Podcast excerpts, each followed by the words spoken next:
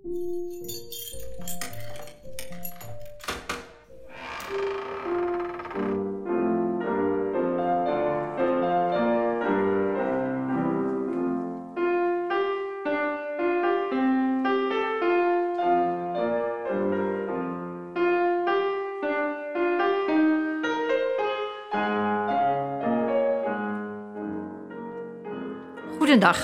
welkom bij de kunstkast van Pygmalion. Mijn naam is Joke van Veen. Ik ben de vrouw van Jaap Versteeg en mede-eigenaar van Pygmalion. Normaal gesproken ontvangt Jaap als gastheer iedere aflevering van de kunstkast een aardig en interessant persoon uit de wereld van de kunst en alles wat ermee samenhangt. Maar in verband met de huidige lockdown als gevolg van corona kan dat nu niet. Daarom hebben wij besloten dat ik nu optreed als gastvrouw van Pygmalion en dat ik Jaap ga interviewen over zijn werk als kunsthistoricus en beeldend kunstenaar. Jaap, welkom in de kunstkast van Pygmalion, jouw kunstkast. Laten we beginnen bij jou als persoon. Ik ken jou al 33 jaar en ik weet niet anders dan dat kunst is alles voor je. Niet alleen kun je niet zonder kunst, onze vakanties staan bol van bezoeken aan musea, grote musea, maar liefst ook van die piepkleine, een beetje one-issue musea, die door enthousiaste vrijwilligers in leven worden gehouden. Maar jij wilt er ook alles van weten. Dat vertelt jij ook altijd. Het hele spectrum wil je als het ware beheersen. Mijn vraag is eigenlijk tweeledig van hoe is nou die liefde voor de kunst ontstaan en hoe breed is dat spectrum? Nou, de liefde voor de kunst is eigenlijk ontstaan omdat ik uh, op de middelbare school ben, heb ik enorm gepubert. En ik wist helemaal niet wat ik wilde. En ik had in die periode één held. En die held, dat was Pieter Dont, de beeldhouwer Pieter Dont, dat was een vriend van mijn vader. En op een bepaald moment, ik weet niet precies wanneer, toen ik 15 ben geweest of zo, toen viel het kwartje en toen dacht ik, ik wil naar de kunstacademie. Want ik zat op school altijd te tekenen en dat vond ik heel erg leuk. Maar voor de rest interesseerde me het helemaal niets. Maar vanaf het moment dat ik doorhad dat ik naar de kunstacademie wilde en dat dat ook mocht van mijn ouders, vanaf dat moment is het eigenlijk klinkt een beetje dramatisch misschien, maar is het goed met me gegaan. Want vanaf dat moment wist ik wat ik wilde. En ehm, nou ja, toen ben ik uh, eerst een jaar naar Verenigde Staten gegaan na mijn eindexamen. En heb daar on, eh, op de University of Pittsburgh de Fine Arts Department gedaan. En daarna ben ik ehm, voor mijn MOA tekenen. Want mijn vader zei, je mag wel naar de kunstacademie... maar moet je wel je lesbevoegdheid gaan halen. Dus toen heb ik mijn MOA tekenen gehaald in Tilburg... en vervolgens mijn MOB, eerste graadsbevoegdheid... Academie Minerva in Groningen. Dat was het eerste deel van je vraag, geloof ik. Nou, eigenlijk van hoe is de liefde ontstaan en hoe breed is dat spectrum? Ik bedoel, je zegt wel, ik wil dat hele spectrum leren kennen, maar goed, het is het maken. Je zegt ook al eens over lezen en over schrijven. Ja, eh, ja, ja. Nou, dat was ehm, toen ik op de academie in Groningen zat, Academie Minerva. Toen ben ik begonnen met het schrijven van kunstrecensies voor het Utrechts Nieuwsblad. Uh, ik kom uit Utrecht. En de krant voor ons was het Utrechts Nieuwsblad. En het hoofd van de kunstredactie was Hans van Straten. En die heeft me toen gevraagd om kunstrecensies te gaan schrijven voor het UN. Het Utrechts Nieuwsblad, het UN. Um, toen ik daarmee begon, had ik al snel het idee dat wat ik op de academie leerde, vond ik heel erg interessant, maar vond ik te beperkt. Dat betrof echt alleen maar het maken van kunst. Dus het betrof het schilderen, etsen, lithograferen, nou, alle kunstpraktijken. Maar ik raakte eigenlijk ook geïnteresseerd in allerlei andere aspecten van de hele kunstpraktijk. Bijvoorbeeld Ehm, de museale wereld, want ik moest natuurlijk ook recensies schrijven over uh, museale tentoonstellingen. Ehm, ik raakte ook geïnteresseerd bijvoorbeeld in ja, uh, het schrijven van recensies, het schrijven over kunst. Het, uh, wat heb je natuurlijk nog meer? Het, ik werd opgeleid als docent, het, het kunstonderwijs trok mij ook heel erg. Al die verschillende aspecten, daar wilde ik eigenlijk meer van weten. Daar komt het oorspronkelijk vandaan. En daar ben je ook verder in gaan studeren. Want ik begrijp, je hebt uh, kunstacademie gedaan. Heb je eigenlijk ook als beeldend kunstenaar zelf gewerkt? Of heb je alleen maar les gegeven? Nee, ik ben toen ik van de academie kwam... toen ben ik begonnen als kunstenaar. Uh, ik heb toen regelmatig geëxposeerd. Ik had een, in Utrecht een, noem het maar, vaste galerie. Dat was Flatland Galleries. En daar heb ik toen een aantal uh, keer geëxposeerd. Maar ik heb ook geëxposeerd in ja, de Muurhuis in Amersfoort. En ik heb ge, op, verschillende plaatsen uh, heb ik uh, geëxposeerd als beeldend kunstenaar. En je hebt ook les gegeven. Is dat wat voor scholen? Is dat gewoon een lage of een middelbare school? Of ik waar heb, heb je... uh, alles bij elkaar. 30 jaar echt, noem het maar min of meer, fulltime lesgegeven. Eerst 10 jaar als tekenleraar op, in het middelbaar onderwijs. Um, daar was ik de tekenleraar en daar gaf ik ook wel een beetje kunstgeschiedenis. Maar daarna ben ik um, naar een opleiding gegaan in Utrecht, heet het NIMETO. Dat was de etaleer, etaleursvakschool en schildersvakschool. En daar heb ik esthetica gegeven en ook weer tekenen. En na twintig jaar, dus dat heb ik tien jaar middelbaar onderwijs, tien jaar in het beroepsonderwijs en daarna ben ik, heb ik tien jaar in het hoger onderwijs lesgegeven. Eerst Hogeschool van Utrecht en daarna de Universiteit van Leiden. En um, ik ben in die tussenliggende periode ben ik ook weer opnieuw gaan studeren. Toen ben ik kunstgeschiedenis gaan studeren in Leiden. En toen ben ik in uh, Oh, sorry, ik ben kunstgeschiedenis gaan studeren in Amsterdam. En ik heb toen een aanstelling gekregen als vakdidacticus in Leiden. Want dan zochten ze een, vak, uh, een docent tekenen kunstgeschiedenis... die eerstegaans bevoegd was, maar ook kunsthistoricus was. En toen hebben ze mij daarvoor gevraagd.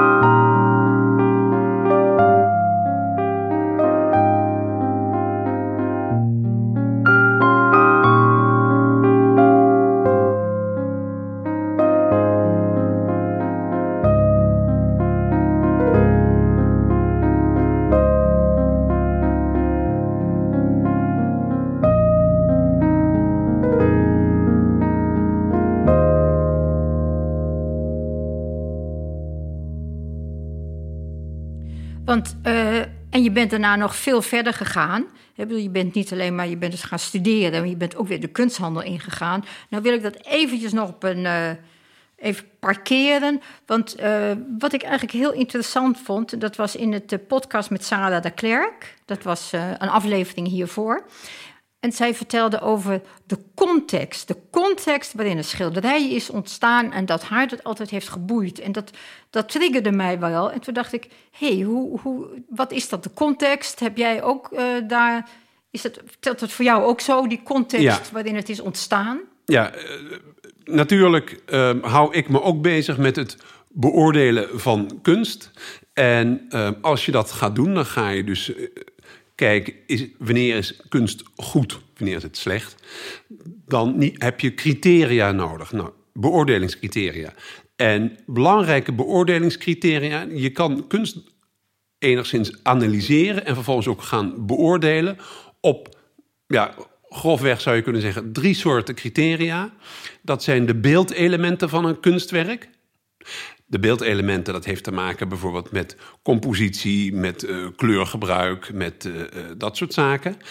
Ehm, dan heb je vervolgens nog de context. En die context kan je weer onderverdelen in een gebonden context en een autonome context. Want een kunstwerk is altijd in een bepaalde tijd ontstaan, op een bepaald moment ontstaan. Bijvoorbeeld een kunstwerk wat is ontstaan in, laat ik maar zeggen, de 15e eeuw. Toen waren er nog niet uh, kunstopleidingen zoals wij die nu hebben. Dan ging je uh, in de leer bij een meester. Hè, dat was de tijd van de, de ambachten en de gilden.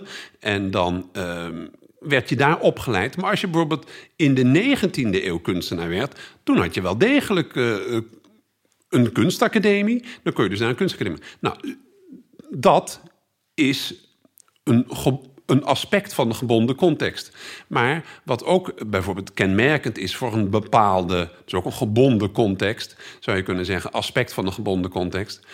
Um, als je bijvoorbeeld um, voor het eerst een kunstwerk uh, leert kennen, is dat op de televisie ziet voor het eerst uh, in een museum, zie je het in een galerie, zie je het in, als een plaatje in een boek. Dat heeft ook, dat zijn allemaal aspecten die ook van belang zijn. En dan heb je vervolgens nog de autonome context. En dat heeft te maken met het feit, stel je kijkt naar een olieverfschilderij. Nou, olieverf, onafhankelijk van de tijd waarin het is gemaakt, olieverf heeft bepaalde kenmerken. En je kan bij wijze van spreken niet olieverf gaan verdunnen met water, ik zeg maar iets. Maar uh, als je bijvoorbeeld een beeld gaat maken van klei, dan ga je boetseren. Je kan ook een beeld gaan boetseren van was. Dat heeft allemaal te maken met de autonome context. Dus je hebt eigenlijk een drie soorten uh, beoordelingscriteria. Dat zijn de beeldelementen. En dat is de gebonden context en dat is de autonome context. En ik weet niet of ik het helemaal juist begrepen heb, maar je vertelt ook dat het kan ook een context zijn uh, waar je het kunstwerk ziet. Dus het is een context waarin het kunstwerk is ontstaan. Ja. En het is dus ook context waarin je het kunstwerk ziet. Ja, want um, dat in de kunstgeschiedenis wordt ook vaak veel aandacht besteed aan een onderdeel en dat heet de receptie van de kunst. Dat betekent eigenlijk de ontvangst van de kunst. Hoe is de kunst in zijn eigen tijd ontvangen? Dat kan natuurlijk heel anders zijn dan hoe er nu naar wordt gekeken. Om je een heel simpel voorbeeld te geven. Een schilder als bijvoorbeeld Frans Hals... die uh, is in zijn tijd ook wel degelijk gewaardeerd hoor. Maar die is daarna na de 17e eeuw weggezakt. En die is weer helemaal teruggekomen in de 19e eeuw toen het impressionisme opkwam. Toen was opeens weer de receptie heel erg enthousiast. Maar het kan ook zo zijn, uh, ik, dat heb je vaak bij nieuwe stromingen, hè, dat in de tijd van het maken, omdat het heel erg vernieuwend is, mensen kunsten, uh, de kunstenaars niet snappen. En dan is de receptie slecht. En dan wordt die later pas heel erg positief.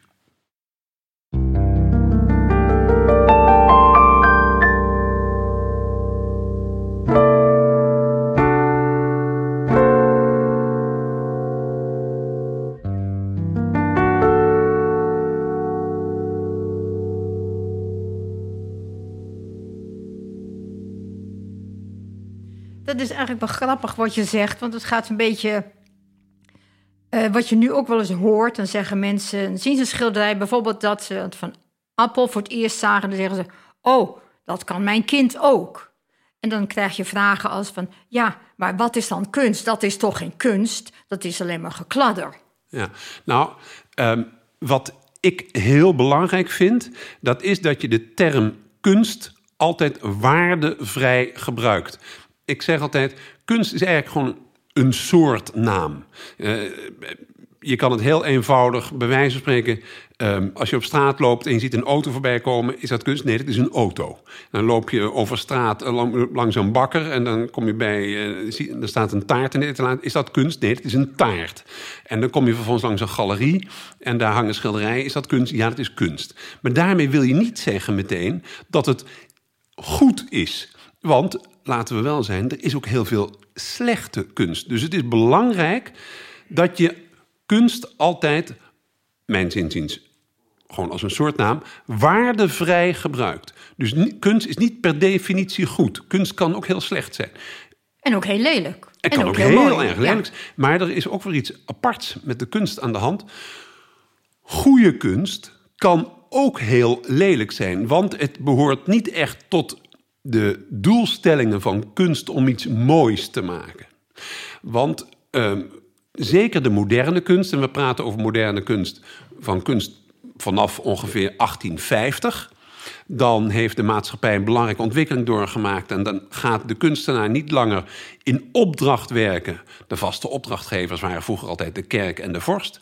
Maar vanaf ongeveer die periode 1850 zie je dat de kunstenaar vooral gaat maken wat hij zelf mooi vindt.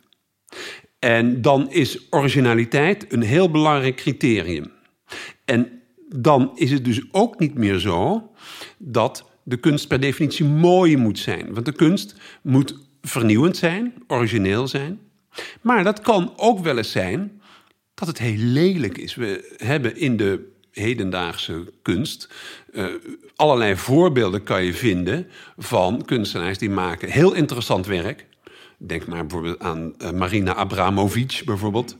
Uh, heel interessant, maar dat kan afstotelijk zijn wat zij maakt. Want zij heeft ook wel in het verleden zichzelf bijna een soort zelfmutilatie eh, bewerkt met uh, scheermesjes. Nou, ik, ik, moet het niet zien.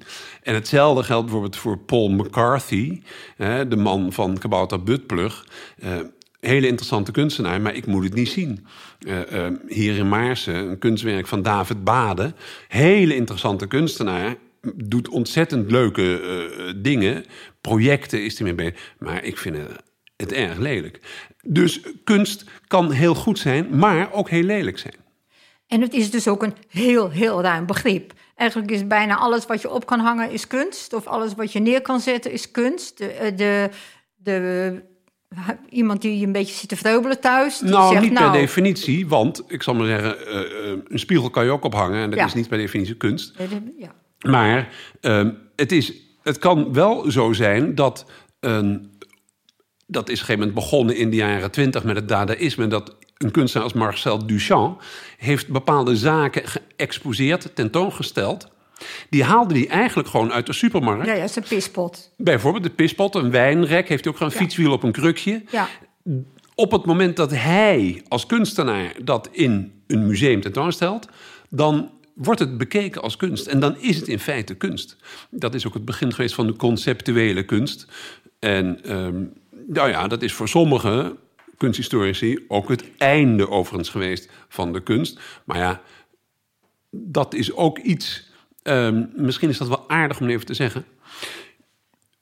Kunst is, zoals, je, zoals ik al eerder zei, een waardevrije term ter aanduiding van bepaalde, bepaald soort objecten. Maar er is niet één vorm van kunstgeschiedenis. Er zijn verschillende vormen van kunstgeschiedenis. En die kunnen elkaar ook tegenspreken. En dat maakt het ook nog wel eens een beetje complex. Dat kan ik me voorstellen.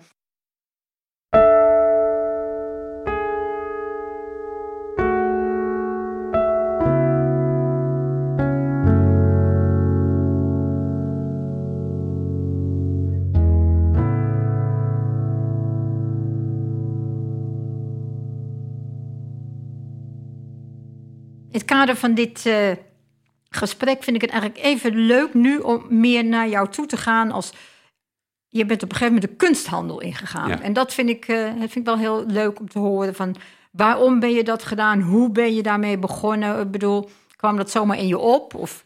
Ik um, ben begonnen met exposeren in. Toen was ik van de academie afgekomen. Dus ik ben begonnen met exposeren in de jaren tachtig van de vorige eeuw. En toen ben ik ook al betrekkelijk snel met de mensen met wie ik samen exposeerde kunst gaan uitwisselen. En zo heb ik toen ook al een kleine collectie opgebouwd van vooral hedendaagse kunstwerken. Maar ik merkte, ik hou ook erg van lezen, ik hou van geschiedenis. En uh, wat mij heel erg boeide in bijvoorbeeld de beweging van 80, dan heb ik het over de periode van 1880 in Nederland de tachtigers. Hè, in de literatuur mensen als Kloos Schorter van Ede. In de schilderkunst zijn hè, bevriende kunstenaars. Uh, Torop, Gorter, uh, Willem Witse, Israëls. Het multidisciplinaire karakter van die kunstbeweging, dat vond ik heel interessant. En eigenlijk ging mijn belangstelling langzaam maar zeker meer uit naar de kunst uit de 19e eeuw dan de kunst die ik aan het verzamelen was van mijn collega-kunstenaars. Dus toen ben ik vanaf dat moment eigenlijk niet alleen de kunst van de Benk van 80 gaan bestuderen, maar ik ben ook die kunst gaan kopen.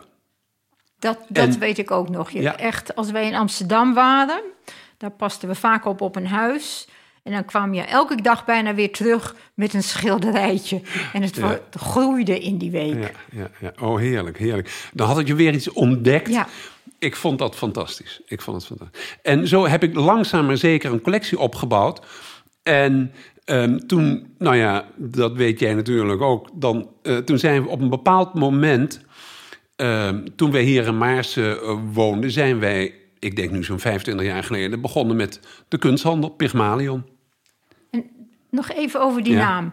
Waar komt de naam Pygmalion? Kun je dat Nou, verklaren? Het ehm, was toen zo, omdat ik natuurlijk aanvankelijk ook als beeldend kunstenaar wel eens exposeerde, wilde ik niet de kunsthandel Jaap Versteeg noemen, want dan had je dat Jaap Versteeg exposeert bij Jaap Versteeg. Dat vond ik een beetje eh, idioot.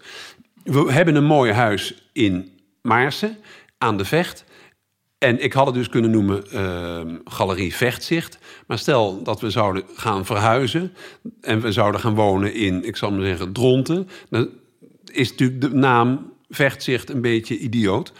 Dus ik heb een naam gezocht die ook een mooie symbolische betekenis heeft. En dat is de naam van Pygmalion, de Grieks-Cypriotische eh, koning, beeldhouwer, figuur uit de klassieke mythologie van de eh, metamorfose van Ovidius. Die op een bepaald moment ehm, Venus ziet baden, daar helemaal van onder de indruk is en denkt: Jezus, wat een stuk is dat.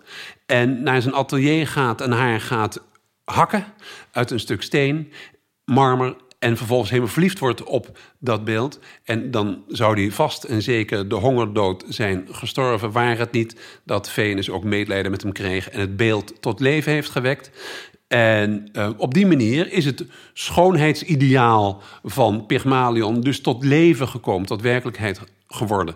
En dat vond ik een mooie naam voor onze kunsthandel. Ja, maar je vertelt galerie en je zegt kunsthandel. Ja. En dat zijn vaak begrippen die, die mensen vaak lastig vinden. Wat Ja. is nou, waar ben je begonnen en wat is het simpel. verschil? Het, eh, een galerie houdt zich eigenlijk bezig met kunst van levende kunstenaars.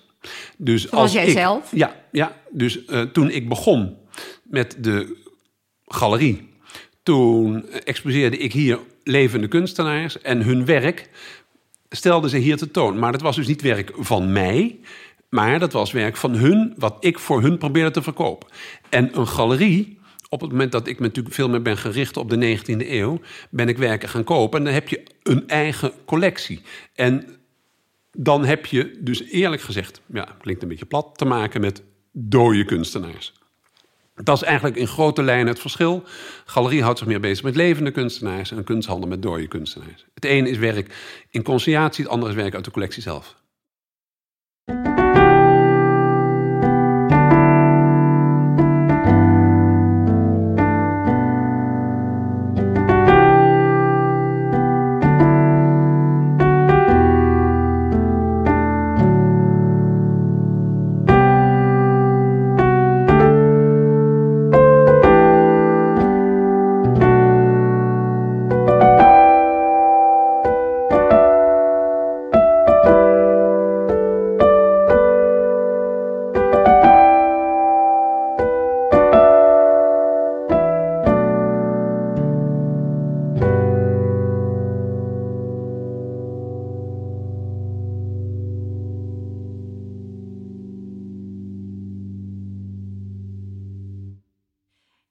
Heel even terug naar het brede spectrum, want eh, jij doet nog meer dan alleen maar eh, erover vertellen, eh, de kunsthandel.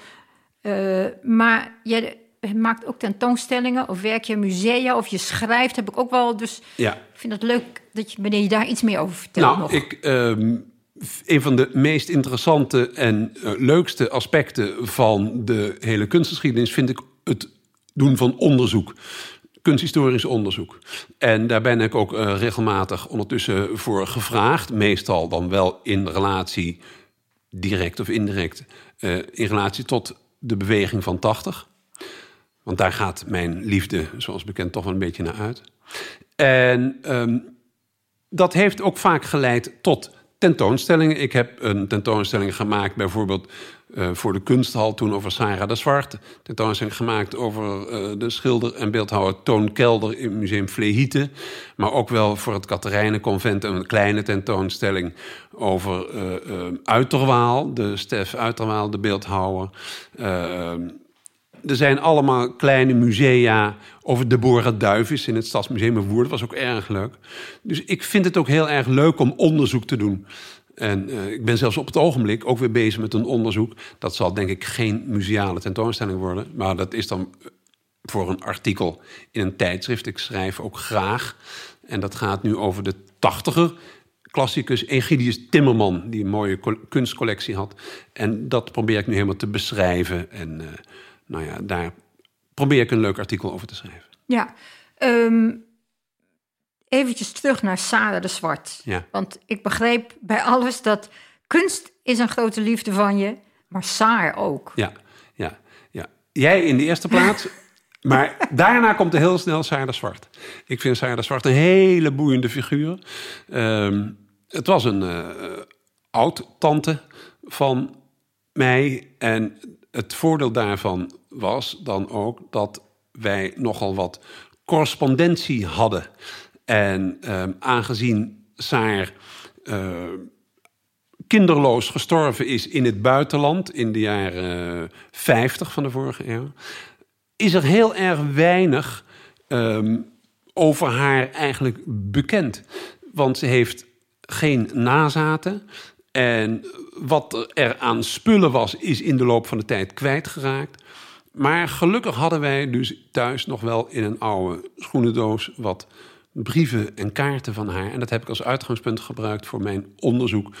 Wat, ja, waar ik me ruim twintig jaar mee bezig heb gehouden. En eigenlijk nog steeds mee bezig ben.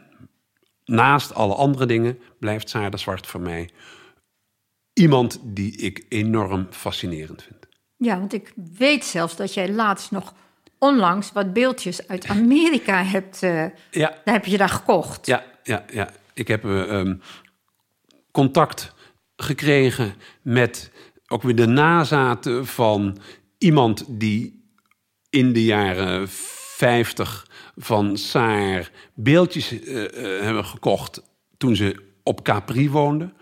En um, met die mensen heb ik contact onderhouden. En van die mensen heb ik nu ook een aantal beeldjes weer van Saar kunnen kopen.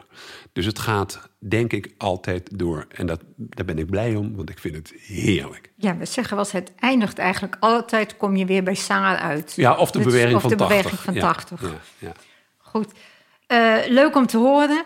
Uh, ik ga toch weer de misschien ga ik een beetje op en neer, maar ik wil nog even. Jij bent nu al twintig jaar kunsthandelaar. Uh, hoe word je nou ineens kunsthandelaar? Ik bedoel, jij bent niet een echte. Je komt ook niet uit een handelsfamilie, zal ik maar zeggen.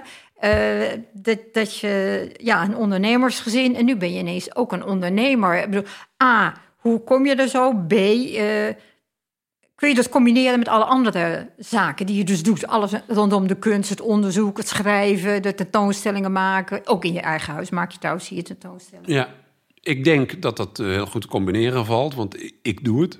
En hoe het uh, uh, is ontstaan heb ik eigenlijk al een beetje geschetst. Ja. Dat is langzaam begonnen omdat ik een collectie begon op te bouwen. En um, maar het hebben van de kunsthandel is iets anders. Het worden ja. van de kunsthandelaar, hè? dat is ja. toch een andere iets... dat je dan die vaardigheid moet krijgen om, om... Je moet gaan verkopen, zeg maar. Ja, nou, je hebt natuurlijk allerlei soorten kunsthandelaren. Hè? Ik denk dat ik me onderscheid van andere kunsthandelaren, juist door de breedte van mijn aanpak, juist door het feit dat ik ook betrekkelijk veel onderzoek doe, dat ik het ook heel erg leuk vind om tentoonstellingen te maken, dat ik graag voor een museum als gastconservator uh, uh, dingen doe. Uh, um, dat zijn eigenlijk allemaal zaken die, denk ik, mij onderscheiden van veel andere kunsthandelaren. En ja, ik ben nu ook echt wel kunsthandelaar. We, doen mee aan beurzen. En uh, ik vind het ook leuk hoor om te werken als. Want ik sta met heel veel plezier op een kunstbeurs. En ik hoop dat ze weer snel gaan beginnen. Uh, uh, maar ik vind het wel altijd toch wel. Ja, dat klinkt een beetje overdreven idealistisch, maar toch wel belangrijk dat iemand die wat koopt bij ons toch ook wel echt een beetje verliefd is op het werk van zijn of haar keuze. En, en, en jouw relatie tot die koper, is dat, is dat gewoon, ze kopen wat dag? Of, uh... Nou, dat hangt er een beetje vanaf. Sommige klanten zie ik niet meer. Maar er zijn ook klanten die ik, uh, met wie je een bijna vriendschappelijke band opbouwt. Vind ik erg leuk om dan ook uh, bij hun uh, langs te gaan. En ik ga dan het liefst ook altijd natuurlijk de kunstwerken zelf afleveren. En dan uh, kan je ook uh, uitgebreid met die mensen nog praten over wat ze mogelijk al hebben. Of uh, dingen vertellen over het kunstwerk. Dat vinden ze leuk. Ja, dat vinden ze hartstikke leuk. En ik ook.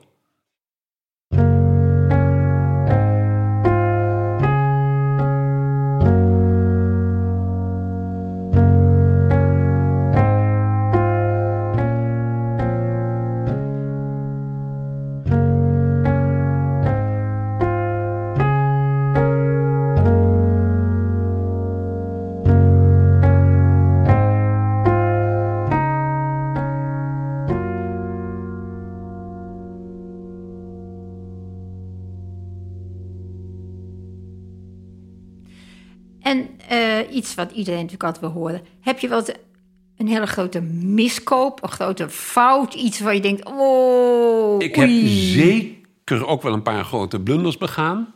En uh, ik heb ook wel eens een keer uh, vervalsing gekocht.